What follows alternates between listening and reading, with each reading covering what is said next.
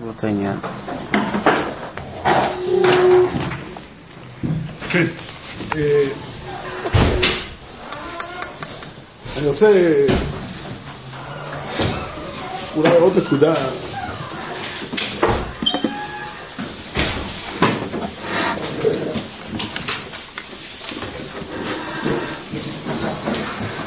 לפני שאנחנו אה, צריכים לעבור הלאה לנושא שעומד בפנינו, עקדת יצחק. אבל לפני זה הייתי רוצה היום עוד נקודה אחת. שקשורה לאברהם אבינו, והיא נקודה מאוד מאוד... דברים האלה דברים רגילים שהתרגלנו אליהם וגדלנו עליהם, אבל הם באמת יש בהם חידוש עצום. אברהם אבינו כורת ברית עם הקדוש ברוך הוא. מכאן התורה כולה היא ספר הברית. גם עם ישראל עמד בהר סיני וכרת ברית עם הקדוש ברוך הוא. כולם יודעים. כולם יודעים שהקדוש ברוך הוא קרא איתנו ברית. אבל המושג של לכרות ברית עם, עם הקדוש ברוך הוא יש בו חידוש עצום. הייתי אומר חידוש uh, מחריד. לכרות ברית פירושו לקחת שני צדדים, להעמיד אותם זה מול זה, ולה, ולהציב התחייבות מול התחייבות. ההבנה הכי פשוטה בכריתת ברית. כל ברית, או בדרך כלל ברית, זה אומר שני הצדדים עומדים אחד מול השני, כל אחד מגיע עם הזכויות שלו, נקרא להם ככה, עם ה... עם ה, עם ה אולי נשתמש במילה גסה קצת, עם האינטרסים שלו, והוא מציב את האינטרסים שלו מול האינטרסים של הזולת, ומעמידים אותם זה מול זה. אם נסתובב בעולם, אם נסתובב בעולם ונשאל, לספר לאנשים שאנחנו יהודים מאמינים באלוקים, רוב בני אדם בעולם יבינו אותנו. ונגיד להם שאם אדם מאמין באלוקים, אז אלוקים, יש לו תורה שאלוקים נתן והוא צריך לקיים, גם את זה אפשר להעביר איכשהו. אבל אם נספר לאנשים שאנחנו קראתנו ברית עם הקדוש ברוך הוא, לא נראה לי שתמצא אדם שמבין את זה. זה בלתי נתפס. מה זה אומר? ישבת ביחד עם הקדוש ברוך הוא וחתמנו חוזה. בשביל תפארת הביצה אני אומר, שכרנו עורך דין טוב, שני הצדדים שילמו לו אחוז או אחוז וחצי, אני לא יודע, מהעלות של העסקה. העורך דין היה צריך להגן על, או שהיה שני עורכי דינים של שני הצדדים, כמקובל כשעושים הסכמים. ויש לכל אחד מהצדדים זכות לתבוע ולהציג את התביעות שלו. אני יודע שהרבה זזים כאן באי נוחות, מתי אני יכול להגיש תביעה מול הקדוש ברוך הוא. לא, אני לא נכנס לשאלה, בוא נניח לצורך העניין שזה לא מעשי בכלל, שאין לזה ביטוי מעשי.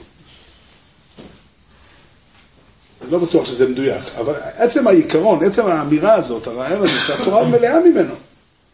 בתורה היא דבר פשוט, סתם בשביל להמחיש, שהעולם, בעולם הכללי יש כזה מושג שנקרא הנצרות הניחה מושג שנקרא ברית חדשה. אבל צריך לשים לב שהם בכלל לא מתכוונים למושג ברית. בתפיסה שלהם, כל אדם באשר הוא אדם מחויב בדברים האלה.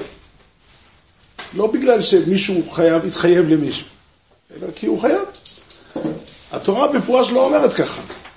התורה, לא ביחס לאברהם אבינו, הוא הראשון שקראת ברית עם השם, גם נוח, זה קצת שונה הסיטואציה. ו- ו- וגם הברית של התורה, הברית של התורה זה אומר, עם ישראל עבדו למרגלות הר סיני וכרתו ברית עם השם. ככה כתוב, ככה כתוב בתורה, בצורה מאוד ברורה. בצורה מאוד ברורה. זה אומר ששני, וככה גם התורה מנתחת את הברית. אתם תהיו לי ממלכת כהנים וגוי קדוש, ובשני אתן לכם שאתם תהיו לי סגולה מכל העמים, כי לי כל הארץ. וגם אצל אברהם אבינו זה ככה, יש ברית מילה, ואתנה בריתי ביני וביניך. זה באמת רעיון מטמיע. ישבת, הושבת את הקדוש ברוך הוא על הכיסא, והחתמת אותו בהתחייבות. זה לא דומה לזה שהקדוש ברוך הוא נשבע. זה, הקדוש ברוך הוא מרצונו יכול לעשות חסד עם בן אדם, והוא יכול גם להבטיח לו שהוא יעשה חסד עם זרעו אחריו. זה כתוב גם בתורה שהקדוש ברוך הוא נשבע. אבל חוץ משבועה יש ברית, הקדוש ברוך הוא מחויב להיות נאמן. אם הוא רוצה להיות נאמן בברית, הוא רוצה להיות ישר ולא, ולא, ולא גזלן, הוא צריך להיות נאמן לברית ולעמוד בהתחייבות.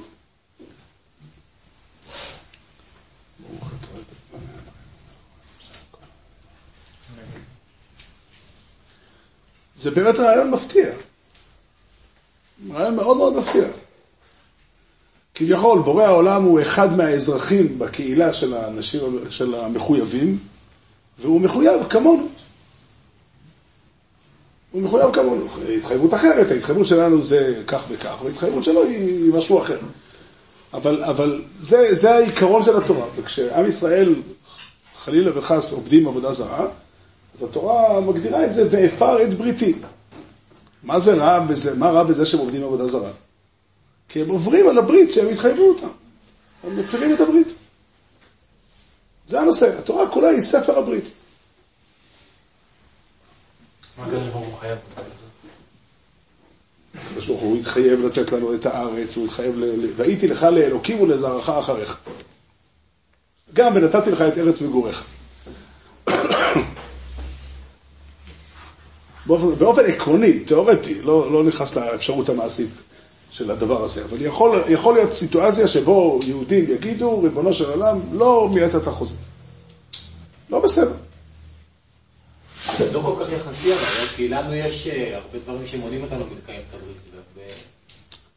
אני לא, לא, אני, אני, אני לא מדבר עכשיו, קודם כל, אה, אני לא חשיד קודשי בריחו למי ודינא בלא דינא, ואם יהודים הם אנוסים ולא יכולים לקיים את הברית, הם ודאי פטורים, אונס רחמנא פטרי. פטרי. אם זה נקרא אונס או לא אונס, אני לא יודע. אבל אני בכלל לא מדבר על זה, אני מדבר על עצם הרעיון, הרעיון, זאת אומרת, אם היית בא ואומר לי, תשמע, אלוקים מציג את הדרישות שלו, הוא בעל הבית, והוא דורש מאיתנו לעשות את מה שצריך. הברית היא תקפה אבל לכל העם ביחד ולא כל הפרט בפרט בנפרד? גם זו שאלה, אפשר לדון בה, אני חושב שאם אני אישית לא מחויב, אז מי כן? העם זה, זה, זה מצבור של אנשים. אני מסכים שאני לא התחייבתי באופן ספציפי, ההתחייבות חלה על העם, אבל ההתחייבות חלה, אבל החידוש, הוא, החידוש שלי הוא לא זה שאני חייב. אני חייב הרבה דברים, אני גם לוויתי כסף מאנשים, ואני חייב להחזיר להם. הרבה חובות יש לי. ההתחייבות, החידוש פה הוא זה שישבנו ביחד, לא, לא חלילה, לא, לא, לא הייתי אומר אה, שוויוני, אבל הדדי. אנחנו עומדים מול הקדוש ברוך הוא. אני חושב שהדבר הזה בשורשו, זה חידוש גדול בפשט, אבל, אבל, אבל זה, זה מה שנקרא, התהלך לפניי ואת המילים. לפניי הכוונה היא מולי. תהיה מולי, אתה עומד מולי. זה באמת מהפכה, זה מהפכה אמיתית, עד כדי כך זו מהפכה. עד כדי כך זו מהפכה, שרובה דאינג'ה, רוב האנשים שחיים בתוך העולם של התורה לא חיים ככה. תשאל אנשים, למה אנחנו חייבים לשמוע? לך תעצור ברחוב, למה אתה חייב לשמוע מצוות? זאת אומרת, אלוקים נתן אותם. נו, ולכן מה? אלוקים הוא או בעל הבית, או אלוקים זה האמת השלמה, הרבה מילים. דרך אגב, כל המשפטים האלה הם גם נכונים, לא שאני מתווכח איתם.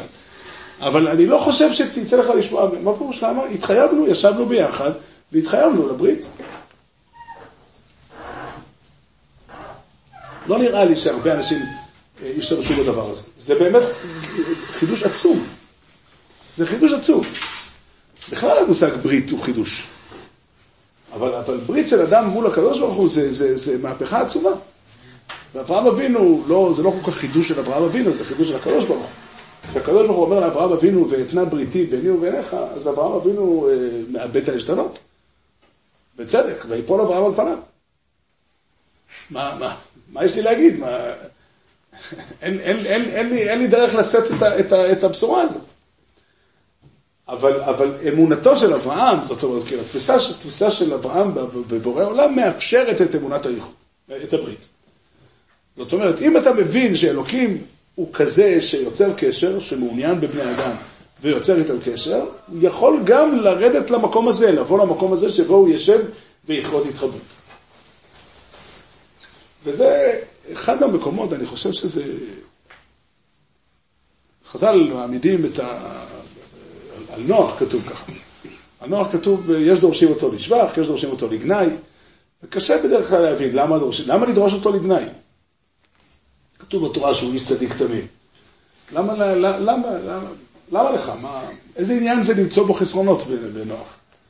אבל אני חושב שהפשט הפשוט שנוח ביחס לאברהם, זאת אומרת, כאילו, חז"ל רוצים להגיד לך, נוח ביחס לאברהם זה לא, זה לא אותו דבר בכלל. אחד המבחנים המעניינים ביותר זה שכשהקדוש ברוך הוא אומר לאברהם אבינו שהוא הולך להרוג את אנשי סדום, אז אברהם אבינו מתווכח. חלילה לך, השופט כל הארץ לא יעשה משפט. מה? יש סיבה לכך שהוא מדבר בכלל עם אברהם שהוא היה בנוח. יכול להיות, אבל, אבל, אבל אני אומר, העובדה שנוח מקבל את המבול כמציאות נתונה. אברהם מקבל את האפשרות בגלות לארץ שגולים, שהם ירצו לארץ שנייה, שנייה, שנייה, לאט לאט. נוח מקבל את גזירת המבול, הוא אפילו לא אומר מילה. הוא לא אומר מילה. הוא מתייחס כמו שמתייחס אדם דתי לאלוקים. אלוקים קובע, מי אני להגיד לו משהו? מה אני מתערב לו בכלל? הטלת עליי תפקיד, אני אעשה את התפקיד שלי. עד הסוף. מה אתה רוצה, מה, מה, מה עוד אפשר לצפות מנוח? נוח עושה את הדבר הפשוט ביותר והטבעי ביותר. אלוקים אמר לו שהוא הולכים להרוג את האנושות. היה לו בתוך הלב, יכול להיות, אני לא יודע, הוא לא סיפר לי, אבל יכול להיות שהיה לו בתוך הלב סערה גדולה וכאב גדול, ומי יודע מה עוד, אבל אלוקים אמר שהולכים להרוג את האנושות, מה אתה עוד רוצה? כביכול, אתה רוצה להתווכח עם הודעה מוחלטת? זה, זה אלוקים קבע, וזהו, זה סגור. באיזה אופן אתה מעמיד את עצמך מול אלוקים ואתה אומר לו, לא, לא, ריבונו של עולם, לא, אני לא רוצה, אה, לא ככה. מה? לא יודע, יכול להיות, אתה צודק גם, אבל אנחנו כן יודעים אצל אברהם אבינו שהיה אופן כזה, ואחרי אברהם אבינו נהג ככה גם משה רבינו, וככה נוהגים הנביאים באופן כללי, שאומרים לקדוש ברוך הוא, לא, אנחנו לא מסכימים. זה נובע רק מתוך התפיסה של הברית. רק אם אני מבין שאלוקים הוא גם מישהו שאתה יכול לשאול אותו, למה אתה עושה ככה? אברהם אבינו יודע שיש לקדוש ברוך הוא אה, אה, את החשבונות שלו. לא זה ההבדל בין אברהם לנוח, שאברהם אבינו לא, לא, לא, לא חשב שיש לקדוש ברוך הוא תשובה. אברהם אבינו מבין שיש דבר כזה, שאני אגיד לקדוש ברוך הוא, למה אתה, חלילה לך. חלילה. רש"י אומר חלילה לך, רש"י מפרש חולינו לך. בעברית אה, מדוברת זה, אתה לא מתבייש? איך אתה מתנהג? לא מתאים לך. זה פירוש המילים, חולינו לך. העובדה שאברהם אבינו קורא לקדוש ברוך הוא לסדר, אם מותר להשתמש בביטוי המפחיד הזה, זה בגלל שאברהם אבינו מבין שהקדוש ברוך הוא בן ברית, הוא מחויב, הוא לא עושה מה הוא רוצה. יש מערכת של מחויבות שלו. אני לא עומד, חז"ל אמרו שאסור להטיח דברים כלפי מעלה. לא שזה בלתי אפשרי, לא שאין לזה מקום, אלא שזה מסוכן. שהרי אדם גדול ושמו לוי עשה את זה והתלה. הוא ניזוק.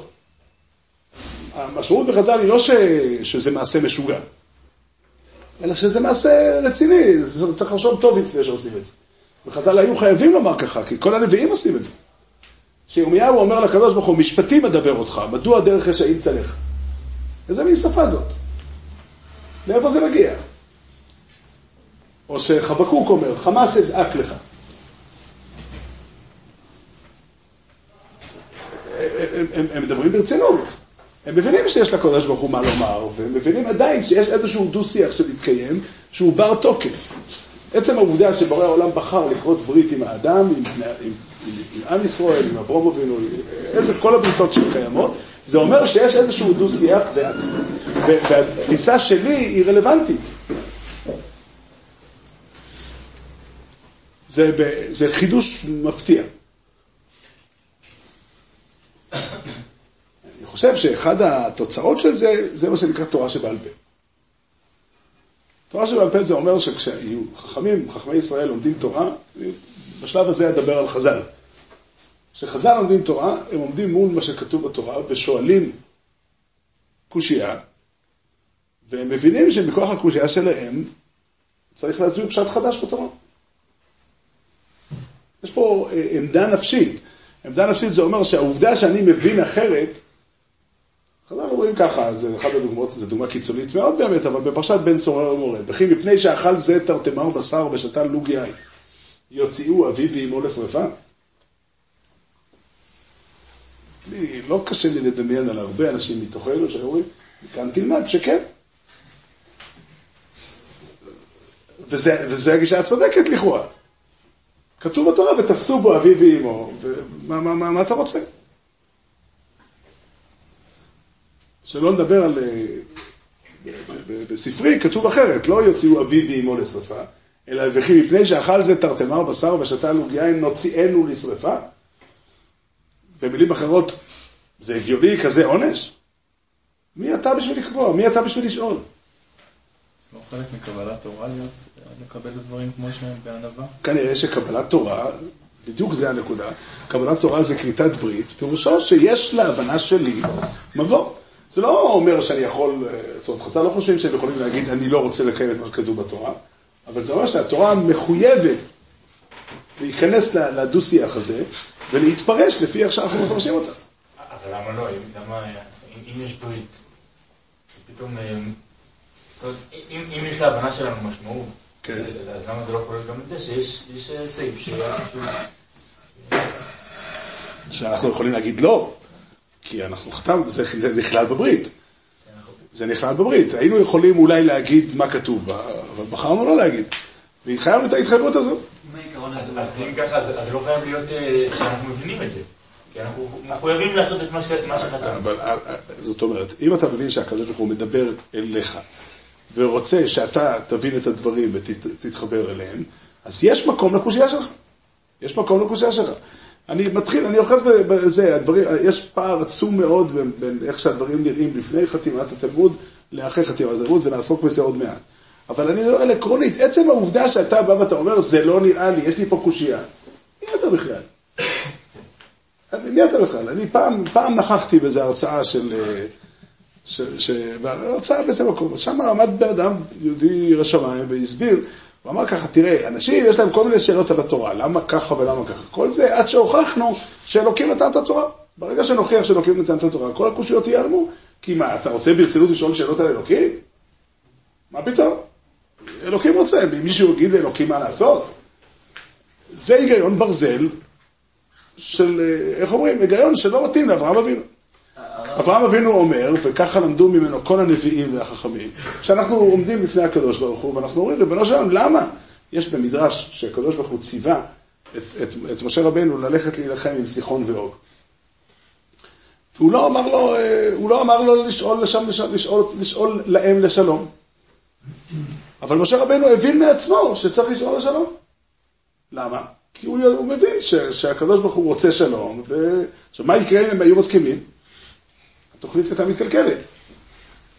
אבל הם לא הסכימו. אבל, אבל אברהם אבינו, אה, אה, משה רבינו מבין, זה, זה ככה נראית תורה שבעל פה. תורה שבעל פה נראית שיש לנו הבנה, ההבנה שלנו היא רלוונטית.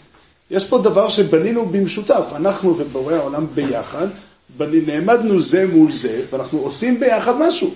ומה נתקע בעקדת יצחק? תעשה לי טובה ונשאיר את עקדת יצחק לשבוע הבא.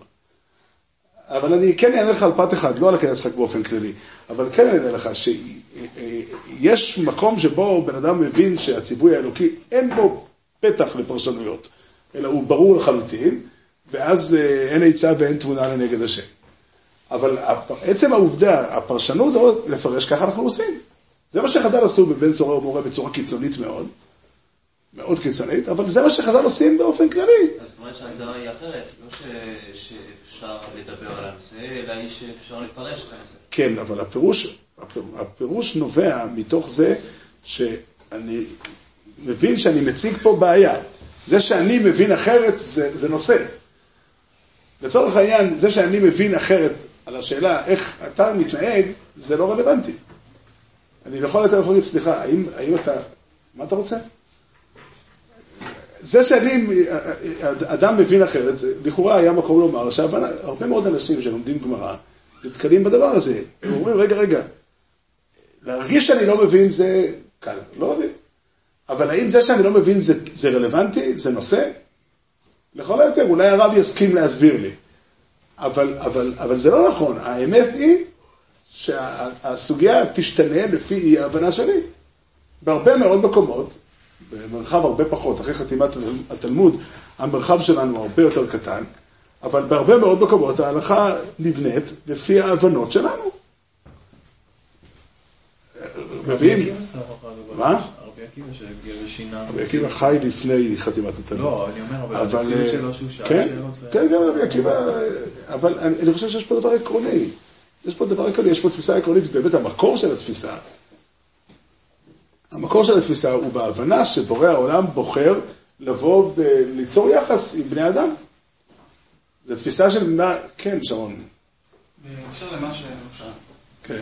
שדיבר על העניין הזה של, אה, כאילו, על המקום הזה של העקירה של משהו שהתחייבנו עליו. כן. באמת, מצרור מורה לכאורה, בין מצרור מורה לכאורה נכנס לסיפור הזה. כי בעיקרון לקחנו סיטואציה שמדברת בתורה, וביטלנו לה את כל המשמעות שלה. זה בעצם סוג של אה, להת- להת- להתחמק מאחריות. אותו דבר גם העניין של, אה, בוא נגיד, לקחת למקום אחר, כמו עין תחת עין. כל זה נכנס, כל זה נכנס במסגרת הסוגיה של פרשנות. כשחז"ל אומרים שבן זורע ומראה לא היה ולא עתיד להיות, הם באים ואומרים שיש, ככה הם מפרשים את הפסוק, שיש הרבה פרטים בפרשה שהם צריכים להיות קרא כדכתיב, דהיינו, יש מקומות פרשיות כאלה שבהם אנחנו מבינים שהדוגמה שהתורה מביאה זה דוגמה בעלמא וזה לאו דווקא. לצורך העניין, כי ייקח שור איש את שור רעהו, אין בעיה שזה לא יהיה שור אלא סוס וכולי, שור לאו דווקא, סוגיה בקמא. עמוד שלם ודורשים שזה לאו דווקא, ויש מקומות שדורשים קרא כדכתיב. וההיגיון של חז"ל היה לפרש בפרשת בן סורר ומורה קרא כדכתיב, ולכן הפרשה לא מתקיימת. אם תהיה סיטואציה כזו שיהיה בן סורר ומורה, לא תהיה לנו ברירה ונצטרך לעשות את זה. אבל פירשנו בצורה כזאת, בגלל הקושייה הזאת, בכלל. שאין כזה איך להתאים את זה. זאת אומרת, כן, אנחנו לא זה יוצאים... אני, אני, אני, תראה, יש סיבה למה חז"ל לא אמרו, אנחנו מבטלים. חז"ל אומרים, אנחנו מפרשים את הדברים בצורה כזאת. יש פה באמת לקיחה של סוגיית הפרשנות לקצה מאוד חריף. לקצה מאוד חריף, אבל אתה צודק. יש פה הבנה של חז"ל, שהתורה ניתנת לפרשנות רחבה יותר, והכלים שלנו לפרשנות תלויים גם בהבנה שלנו, המוטיבציה שלנו לפרש. יש דוגמה מאוד קיצונית, מישהו רוצה להביא גמרא מקס?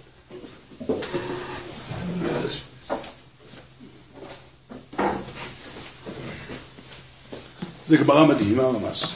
כמעט אפשר לומר שאסור להגיד לקרוא אותה בקול, אבל זה מודפס בש"ס, אז... הגמרא אומרת ככה, הגמרא אומרת אה, אה, שיש פה ברייתא שרבי שמעון, רבי שמעון בר יוחאי, דרש חמש דרשות מפסוק בפרשת ראה. לא נקרא את כל הדרשות. אה, אה, הפסוק, הפסוק. אה, לא תאכל לאכול בשעריך מאסר גנך ותירושך ויצריך ובכורות בקרך בצמך וכל נדריך אשר תדור ונדבותיך בתרומת עמך. אז רב שמעון דרש מפה חמש דרשות ולמדו מפה הלכות בתחומים רחבים, בהרבה מאוד סוגיות. אה, אחר כך הגמרא אומרת, אמר רבא, דאילי דאימי כרב שמעון תלד, ואילו היא לא תלד, רב שמעון מאוד התפעל מה... מה- מהלומדס של רב שמעון, רובי התפעל מאוד מהלומדס של רב שמעון, והוא אומר שכל האימהות ילדו ילדים כמו רב שמעון. פחות מזה לא. תאר לעצמך. אז אה, הגמרא שואלת, אה, הגמרא שואלת אבל איסלי פירחה, לכל הדרשות של רב שמעון אפשר לפרוח אותן. הגמרא בכמה שורות עסוקה, את זה אפשר לפרוח ככה, את זה אפשר לפרוח ככה, אין בעיה, אפשר לפרוח את- הדרשות. מה כל כך מתפעל, אה, מה כל כך מתפעל רב שמעון, אה, רובה מרב שמעון, אלא מאי דאילי דאימא כרב שמעון תלד, דלמאי דסביר אלי לדידי, מסרס לי לקרא ודריש לי. שלפי הסברה שלו, הוא, אני אשתמש במילים של הגמרא, מסרס את הפסוקים ודורש אותם. ככה הגמרא אומרת, ולכן רובי התפעל כל כך מרב שמעון. מה זה אומר? זה אומר שרוב רב שמעון מבין שהפסוק הזה בתורה נמצא בתוך מערכת שלמה של דו-שיח שלנו עם הקדוש ברוך הוא, והוא ניתן לכופף אותו, אני לא יודע איזה מילה, איזה מילה נרדפת אפשר להביא לסרס. אני לא יודע איזה, איזה מילה נרדפת אפשר להביא לה. אבל אפשר לכופף את הפסוק הזה כדי שזה יתאים למכלול הכולל של הדרשות, של הסברה שלנו. למה? אם היית מבין, ככה אני תופס, ככה אני מציע, שאם היית מבין שאלוקים הוא אלוקים, הוא, יש לו את המציאות שלו, את התפיסה שלו, את מה שהוא אומר, ואנחנו כלים של הקדוש ברוך הוא, שהוא מטיל עלינו את התפקיד שלו, את התפקיד שהוא נותן לנו, אז זה לא היה רלוונטי מי דסביר אלה לרב שמעון. מה זה משנה מה אתה סובר? אבל כיוון שרב שמעון מבין שהקדוש ברוך הוא כרת ברית, אנחנו תלמידי אברהם אבינו, ומבינים שהקדוש ברוך הוא כרת ברית איתנו, אז המאי דסביר אלה לרב שמעון זה גם תורה. התורה מורכבת ממאי דסביר אלה לרב שמעון וממה שפסוק. וכמו שאנחנו מבינים ששני כתובים המכחישים זה זה, אז צריכים למצוא דרך ליישב אותם, כי, כי יש סתירה, אז גם הסתירה בין מה שרב שמעון מבין למה שהתורה אומרת, היא גם סתירה. וצריכים למצוא דרך ליישב, וזה מכריח אותנו לפרשנות, לפעמים, לפרשנות רחוקה. האפשרות, כאשר הדבר לא נתון לפרשנות, כנראה, איפה הגבול של זה?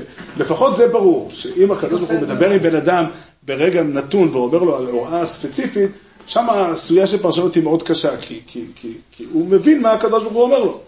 ושם אין אופציה של פרשנות. אבל התורה שלנו, היא כולה בנויה מהדבר הזה. היא כולה בנויה. כל הסוגיות בתורה, כל הסוגיות בש"ס, בנויות מזה שחז"ל לוקחים סוגיות במקרא ומבינים אותן. יש, הרמב"ם כותב בכמה מקומות, גם בהקדמה לפירוש המשנה וגם בשורש השני מהשורשים לפני ספר המצוות, אז הרמב"ם כותב שחלק מהדינים שכתובים בחז"ל, מהדרשות של חז"ל, או מהדינים של חז"ל כתבו, הם הלכה למשה מסיני. אבל חלק אחר, והרמב"ם אומר שאנחנו לא יודעים, חז"ל לא מצאו לנכון להגיד לנו מה הם קיבלו מסיני ומה לא, ואנחנו לא יודעים. חלק הם למדו מעצמם. מה זאת אומרת למדו מעצמם? שאלו קושייה מפה, הביאו ראיה משם, והבינו שככה זה צריך להיות. וזה מבחינתנו, זו התורה. זה התורה שלנו. עכשיו, ברמה אחרת לגמרי, זה מתקיים אצלנו אחרי חתימת התלמוד. כל מי שמצוי בתוך הבסמדרש שיודע שחכמים שאלו קושיות, תרצו תירוצים, השתמשו עם הסברה שלהם, ושאלו, ודרשו מהתורה להתאים באיזושהי רמה לדעת שלנו, וההלכה היוצאת למעשה היא, היא, היא תרכובת של כולם. היא תרכובת של כולם. ההלכות הגדולות ביותר, או חלקים, ההלכות אולי הכי חריפות, הן סברה. יש הלכה, הלכה פשוטה, שהאדם ש... כך כתוב בגמרא בסנהדרין, אמר לי, בא יהודי אחד לפני רובה ואמר לו, אמר לי, אדון הכפר שלי, או שתהרוג את פלויני, או שנהרוג אותך. כולם יודעים, שפיכות דמים זה יורג בל יעבור. למה? סברה. באי חסיד, דדא מדידה, אסור לכפי מדא מדידה. זה הכל. סתם בשביל להמחיש את זה, אומר רב מוישה פיינשטיין, שהסברה הזו קיימת לאו דווקא באיסור רציחה. הוא מביא דוגמה. מה קורה אם יש, אה, כדי להציל את החיים שלי, אני צריך לעקוף תור, הוא מביא דוגמה, המשל שהוא מביא זה שיש, אני אשתמש במשל שלי, אני לא זוכר את הדוגמה שהוא מביא, אבל נגיד שהייתה התקפה של נשק קימי, וצריכים תוך ארבע שעות לקבל זריקת אטרופין. זה סכנת נפשות, מי שלא יקבל את הזריקה ימות. עכשיו אנחנו הולכים לבית מרקחת, וכולם רגועים, יש. עכשיו, אני יודע שיש לרוקח 96 זריקות. אני מגיע, איזה מספר אני? 98, וואי. ואז מגיע בן אדם אחד נחמד ואומר, סליחה, הרב, תבוא לפניי. עכשיו, אני לא הולך לגנוב, הוא, הוא נותן לי את התור, אבל הוא חסר את האינפורמציה הזאת שיש 96 זריקות. הוא חושב שיש 105. מותר לי או אסור לי? אומר המוישה, פשוט, מה יחסית? דידה, אסור לצפה, ידע מה דידה. איזה איסור זה לעקוף תור? הוא אומר, צריך דיון, אומר המוישה, אם זה איסור דאורייסה או לא, אבל על כל פנים, מה יחסית? דידה, אסור לצפה, ידע מה דידה. זאת אומרת, אפשר לפסוק הלכה ולחייב בן אדם למות על פי התורה, כי מה יחסית? כי הסברה ככה אומרת. סברה של בן אדם. פרשנות כזאת צריך באמת להתכוון ברצינות לפרשנות, זאת אומרת שאם אני קורא את הפסוק שמדבר על בית סוהר ואני רואה. שה- ואני מבין את הפסוק כפשוטו, שזה, וצריך להגיד שחז"ל באמת כאילו, כל הפ- הפרשנות הדחוקה שהם עשו לפסוק הזה, בשביל שלא נגיע לדין הזה. להגיד שהם התכוונו את זה את זה ברצינות, ודאי לא-. לא לזה אז- אני-. לא, לא, לא. אז אני אגיד לך מה אני חושב. אני חושב שחז"ל הבינו שהקדוש ברוך הוא מעוניין שהדברים של, של, של התורה יצטרפו עם ההבנות שלנו. וכמו שאתה מבין שיש פסוק שלבדו ההבנה שלו היא איקס, אבל אחרי שיש סתירה אז אתה חייב לשל... הסתירה יוצרת הקשר אחר, כי יש סתירה, מה אפשר לעשות? אז גם הניגוד בין השיקול דעת שלנו לזה, הוא גם מכריח את הדברים בצורה כזאת. יש פה אולי עוד תוספת שצריכים להוסיף, אה, העובדה ש... אני, אני, אני בעיקר שם לב לדבר אחד, והוא המשמעותי. המשמעותי מבחינתי זה שלהבנה שלנו יש משמעות. יש משמעות, זה מאוד מאוד חזק. זה לא, מי אתה בכלל? אתה נמצא פה בשביל לציית לפקודות. מה זה משנה מה אתה מבין? האמת היא שלא ככה. האמת היא שהסיפור הוא סיפור של ברית. הסיפור הוא סיפור של חיבור בין הקדוש ברוך הוא לבינינו, וההבנה שלנו היא רכיב משמעותי מאוד בסיפור הכולל. למה הברית הוא סיבה לזה שההבנה שלנו יכולה לקבוע דברים? כי גם... בריתות שרק הצד השני מציג את ה... ואחרי שחתמנו, אין סיבה שאני אוכל להוסיף דברים. לא אני סיבה. לא- אני, לא מתכוון להוסיף דברים, אבל עצם העובדה שאתה יכול לתבוע את הצד השני, אם יש ברית, זה אומר שהצד השני מחויב. אני לא אומר, זה שהוא מחויב-. זה שהוא מחויב להתייחס להבנה שלי, זה אומר שלהבנה שלי יש משמעות. הוא יצטרך איכשהו להסתדר. יש לי זכות לדרוש להבין, אבל למה אני אוכל לפרשן? הזכות להבין זה אומר שההבנה שלך היא, היא, היא, היא משמעותית. התוצר לא יצא רק, זה, אתה יודע, למשל, אולי, אולי נוסיף, שנייה אחת, אני עוד רגע, אבל אתה, אבל אתה שאלת? בגלל שמה מתיר לך לקחת ממנו את התור שלו? אני מציל גם את עצמי, אז זה כמו הצלה במדבר. לא, הצלה במדבר, זה, זה רבי משה אומר וזה פשוט. כאשר המים, אותו שתי אנשים שהולכים במדבר, ב, ב, ב, ב, ב, ש, שאני, חייך קודמים, זה כי המים הם שלי. אבל אם המים היו של ההוא, אז אסור לי לקחת אני אותם. גם במצב של הצלה, אני אציל את עצמי קודם.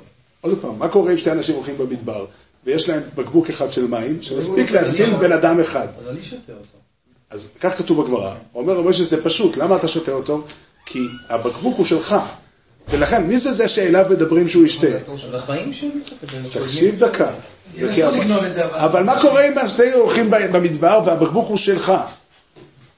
ואתה לא יודע ש- שהמצב מסוכן, אתה חושב שיש מים בספר. אתה נותן, קח, תשתה, עוד רגע נגיע. ואני יודע. ואני יודע? ואני יודע ש... שנייה, ואני יודע שעוד רגע אנחנו מגיעים לעוד תהום ואין פתרון. אז מה הדין? אסור לי לקחת את המים. למה? כי המים הם שלך. אומר רב משה, קש... מה? אני רק עושה את העברת בעלות. אחרי העברת בעלות, המים שלי. אין לך יכולת לעשות העברת בעלות בלי הסכמה של ההוא, או בהסכמה שהיא בטעות. אם הוא נותן לך את זה בלי לדעת ש... אם הוא נותן לך כשהוא יודע שהוא הולך למות, זה כבר נידון אחר, האם אפשר לוותר על החיים או לא. אבל אם הוא נותן לך כי הוא חושב שיש זמן והוא לא, לא תופס את הסכנה, אז אתה בעצם, זה מקח טעות אמיתי, המתנה הזו. אלא מה, האם מותר לי לקחת של מישהו אחר? אומר רבי שדי בתור כדי להגיד שהחיים הם של ההוא ולא שלך. ואין לך שום היתר לקחת להוא את החיים, של, את התור, שזה בעצם לקחת להוא את החיים. אני רוצה לחזור לדבר הזה. אני אומר, המשל שהתורה מדברת, ובאמת כדאי, כדאי להתייחס לזה באופן ספציפי. המשל שהנביאים משתמשים בו תמיד כדי לתאר את הקשר בין הקדוש ברוך הוא לאדם, לעם ישראל, הוא המשל של נישואים. ונישואים זה אומר ש... פשוט לא, לא צריך לומר את זה בכלל. לא לפרשן. שנייה אחת. זה אומר שהוולד הנולד הוא מורכב משני הצדדים. רש"י אומר, והיו לבשר אחד זה הוולד הנולד. פירושו, תאר לעצמך אדם שיבוא לנישואים ואומר, אני רוצה ללדת ילדים שהם דומים רק לי. נגיד שהוא ימצא אישה שתסכים לזה. זה, זה, זה לא רלוונטי. נישואים פירושו ששנינו שותפים ביחד. זה לא אומר שהשותפות היא שווה, אבל יש חלק לשני הצדדים. כשהרמב"ן אומר שהיו לבשר אחד אין הכוונה היא לוולד הנולד, אלא הכוונה היא לקשר המשפחתי, אז הכוונה היא שבקשר המשפחתי שנינו שותפים, והתוצר המוגמר לא יהיה א' ולא ב', אלא א' וב' ביחד. באיזה אופן זה יקרה?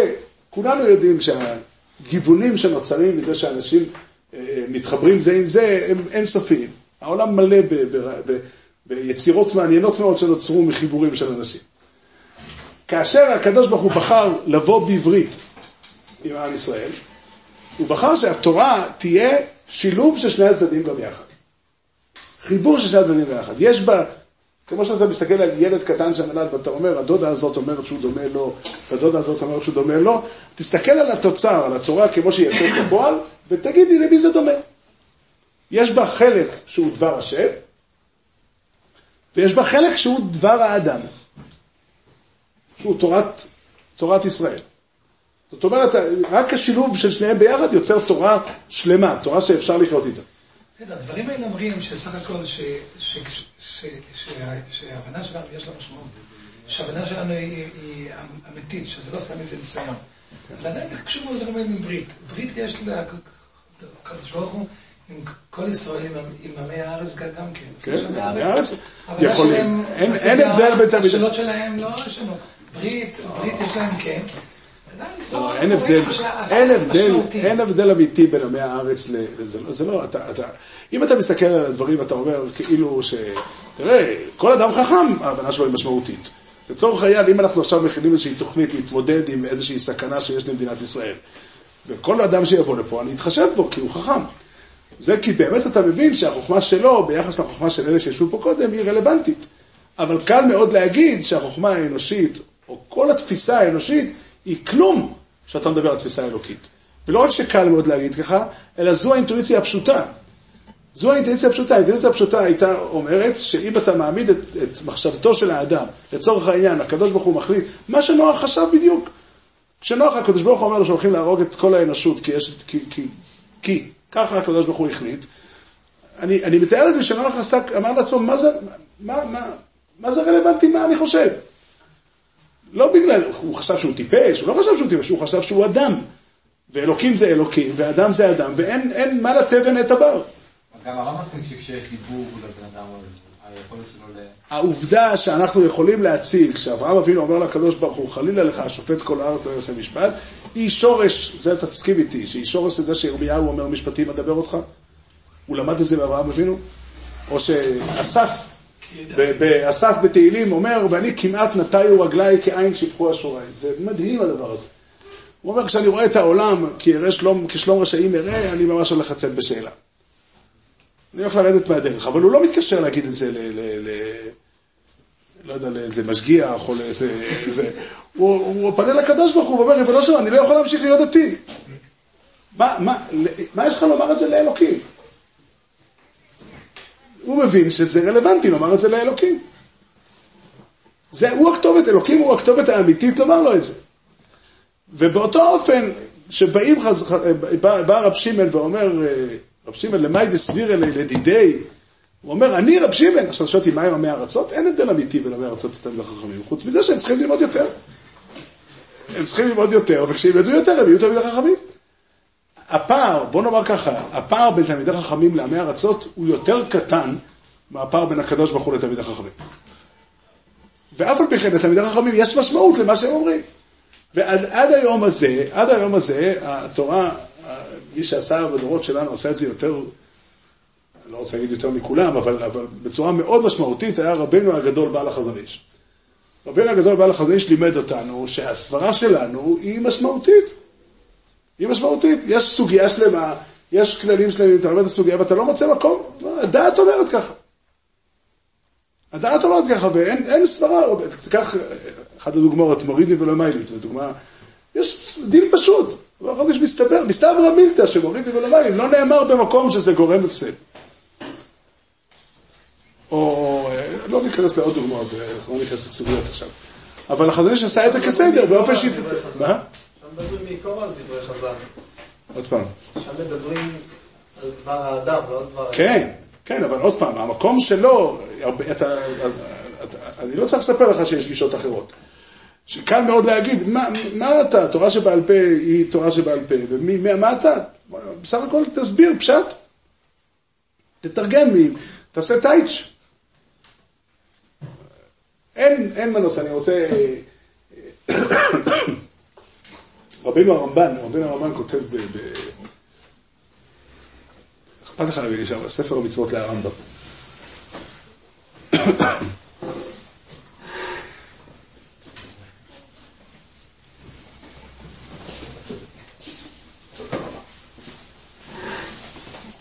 יש משפט שהרמב"ן אומר, אני לפעמים קורא, את, פותח את, ה, את, ה, את, ה, את הספר בשביל לראות את המילים האלה עוד פעם, כדי לקבל חיזוק.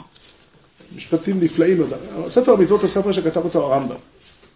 וחלק משמעותי בו זה, זה השגות שהרמב"ם משיג על הבאג. הבאג בנה את המצוות לפני הרמב"ם, ולרמב"ם היה התקפות קשות מאוד על הבאג, הוא כותב אותן מאוד בחריפות וכו'. הרמב"ן קבוע, בכל הספרים שלו, הוא מוצא לנכון להשקיע מאמץ ליישב את הקדמונים. הוא, הוא אוהב את הדבר הזה. בהרבה מאוד מקומות הוא, גם בהשגות של בעל המאור על הריף, הוא, טורח ליישב אותו, והוא הוא, מאוד חשוב לו הדבר הזה. וגם כאן, חלק גדול מהחיבור של הרמב"ן על הרמב"ם, נועד ליישב את ההשגות שהרמב"ם משיג על הבאג. אבל, אומר הרמב"ן בהקדמה שלו, הוא מקדים, הוא אומר כמה, כמה הוא השקיע בזה חשוב, וכמה הבאג היה איש גדול, ואי אפשר לזלזל בדבריו וכולי, ואז הוא אומר בסוף, והנני, אם חשקי וחפצי להיות לראשונים תלמיד, לקיים דבריהם ולהעמיד, לעשות אותם לצווארי רביד ועל ידי צמיד, זאת אומרת, אה, כמה, כמה חשיבות, כבוד ויופי יש לדברי הראשונים, לא יהיה להם חמור נושא ספרים תמיד. אבחר דרכם ואדע ערכם, אך באשר לא יכילו רעיוני, אדון לפניהם בקרקע, אשפוט למראה עיניי. ובהלכה ברורה, לא אשא פנים בתורה. כי השם ייתן חוכמה בכל הזמנים ובכל הימים. לא ימנע טוב להולכים בתמים. עד כאן לשונו של הרמב"ן, ה-VN של ישראל. הרמב"ן הקדוש באמת אומר, אומר לך, תקשיב טוב, היום שבו ת, ייגמר הזכות שלך להביע דעה, יהיה היום שבו אנחנו נפסיק ללמוד תורה בכלל. ללמוד תורה תמיד פירושו לעמוד מול מה שכתוב ולהציג לפני הש"ס, לפני הגמרא, את הקושייה שלך. היום שבו ההבנה שלך לא תהיה רלוונטית ותצטרך לחזור ולשנן את, את מה שאמרו הקדמונים כחמור נושא ספרים, זה, אין, אין כבר, אין, זה, זה כבר לא נקרא תורה. מה? לא הבנתי. אני לא יודע איפה הגבולות של זה, אני לא יודע איפה הגבולות של זה, אבל בכל מקום יש להבנה שלך משמעות. לא, לא, אני לא מתכוון פה, יש, אה, במסגרות אחרות אני מוכן יותר לנסות להיכנס לתוך הסוגיה, לא זה התפקיד שלי כאן. אבל יש פה דבר שהוא עקרוני. אנחנו בני אדם שחיים על פני האדמה, והקדוש ברוך הוא חפץ לכרות איתנו ברית. הברית היא לא ברית חדשה, אבל היא ברית קיימת, היא ברית שלנו עם הקדוש ברוך הוא. והברית הזו פירושו שעדיין ההבנה שלנו, המציאות שלנו, היא חלק מהסיפור. היא חלק מהסיפור. כמו שכל אחד, כל אחד מבין שקשר של נישואים לא יכול להתקיים במצב שבו אה, צד אחד אומר אני כלום. אין לזה מקום. אין לזה מקום. אי אפשר, אה, אה, אפשר לקרוא לזה הרבה דברים אחרים, אבל לא נישואים. נישואים זה שיתוף.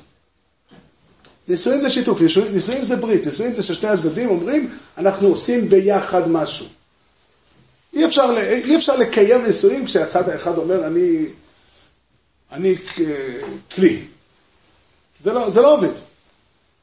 זה לא יכול לעבוד. גם הקשר של הקדוש ברוך הוא עם בני אדם חייב תמיד להתקיים על ידי שמתקיים דו-שיח. וזו תורתו של אברהם אבינו. כמובן, אנחנו צריכים להבין, שחז"ל אומרים, חז"ל אומרים את זה במפורש, חז"ל אומרים שלהטיח דברים כלפי מעלה זה, זה לא בלתי אפשרי. זה מסוכן, צריך להיזהר מחוצפה, צריך לחשוב איפה הגבולות של זה, אבל עצה טובה, אל תעשה את זה. כי הרי גמרי רבה, כמו לוי, עשה את זה, והוא ניזוק. אז מתקיים ככה, אם היום, לא היום אני כבול ולא יכול לעשות את זה. לא יודע אם אתה לא, אבל אתה שם את השיקול שלך. קודם כל, קודם כל, חז"ל דיברו על להטיח דברים כלפי מעלה, לא לא, לא על לימוד תורה. בלימוד תורה דברי הרמב"ן קיימים ועומדים. קיימים ועומדים, ואם היה, לדעתי, היה צריך לקחת את הקטע הזה של הרמב"ן ולהדפיס אותו במיליון עותקים.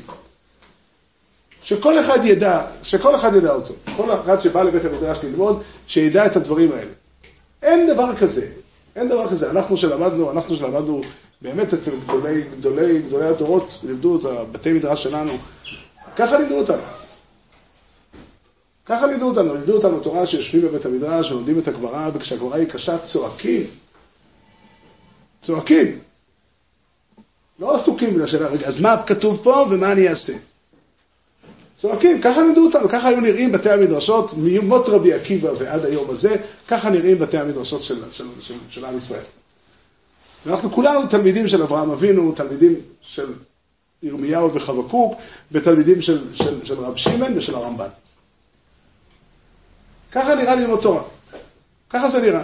ו- וזה באמת אומר, יצא מתוך הלימוד הזה, אנחנו יושבים עכשיו על הסוגיה, ויצא מפה, יצא עשן לבן. יהיה פה התכתשות, יהיה פה, יהיה פה הגמרא באמת קשה. לא יודע איך, איך הפתרון יצא. אבל יהיה ברור שבתוצר המוגמר, בתורה ש, ש, שתצא לפועל, יהיה חותם אמיתי של האישיות שלי. וזה עקרוני. האישיות שלי, אני לא מדבר, כל אחד לעצמו זה דבר אחד, ו, ו, וכנסת ישראל כדבר כולל. כנסת ישראל תקנה תקנות, וכנסת ישראל מקבלת עליה קבלות, ועד היום הזה מנהגים שנוצרים בעם ישראל הם מנהגי קודש. יש להם תוקף. מה זה? מה זה מנהג? מנהג זה האופן שבו עם ישראל בחר לקיים את התורה. לצורך העניין, המנהג שנהגו, הייתי פעם, מישהו כתב קונטרס על השאלה איך מקיימים ברמת שלמה את המנהג להסתובב למערב בבואי בשלום. במקומות שמתפעלים למזרח, אז מערב זה כנגד. במקומות שמתפעלים לדרום, אז, אז מישהו אמר, מה זה משנה כבר? זה לא משנה, זה לא משנה מה זה משנה, אתה לא חייב לקיים את המנהג. אבל למנהג יש צורה, והמנהג הזה הוא תורה, ויש שאלה איך לקיים אותו. מה זה סך הכל? החלטה של יהודים, איך, איך, איך לעשות, איך לקיים את המצווה. מקום שנהגו. כן, יש, יש סוגיה של מקום שנהגו, יש לזה גבולות, אני לא אומר שכל מה שעשו בכל מקום הופך להיות מנהג. אבל יש, יש דבר כזה. זה אומר שהצורה של, של, של, של התורה, של, של, הצורה של השראת השכינה בישראל, היא חיבור בין הקדוש ברוך הוא לבני אדם. וגם גם על הטיח דברים כלפן זה עצה טובה של חז"ל, ואני מאוד מאוד ממליץ לכולם לקיים את העצות של חז"ל. אבל עצם הידיעה, עצם הידיעה שהדבר הזה קיים, היא משמעותית מאוד. להטיח זה ניסוח מאוד מסוים. בסדר, יש גם נוסחאות אחרות, יש עוד נוסחאות. על כל פנים, זמננו תם, אני לא רוצה לגנוב לכם את הזמן. הקדוש ברוך הוא יהיה איתנו תמיד באמת. אני חושב שבאמת אמונתו של אברהם, יש בה בשביל למלות את החיים שלנו. בעזרת השם נמשיך הלאה בהמשך. רבי חנניה בן רש"י הוריד ורצה הקדוש ברוך הוא לזרקו של ישראל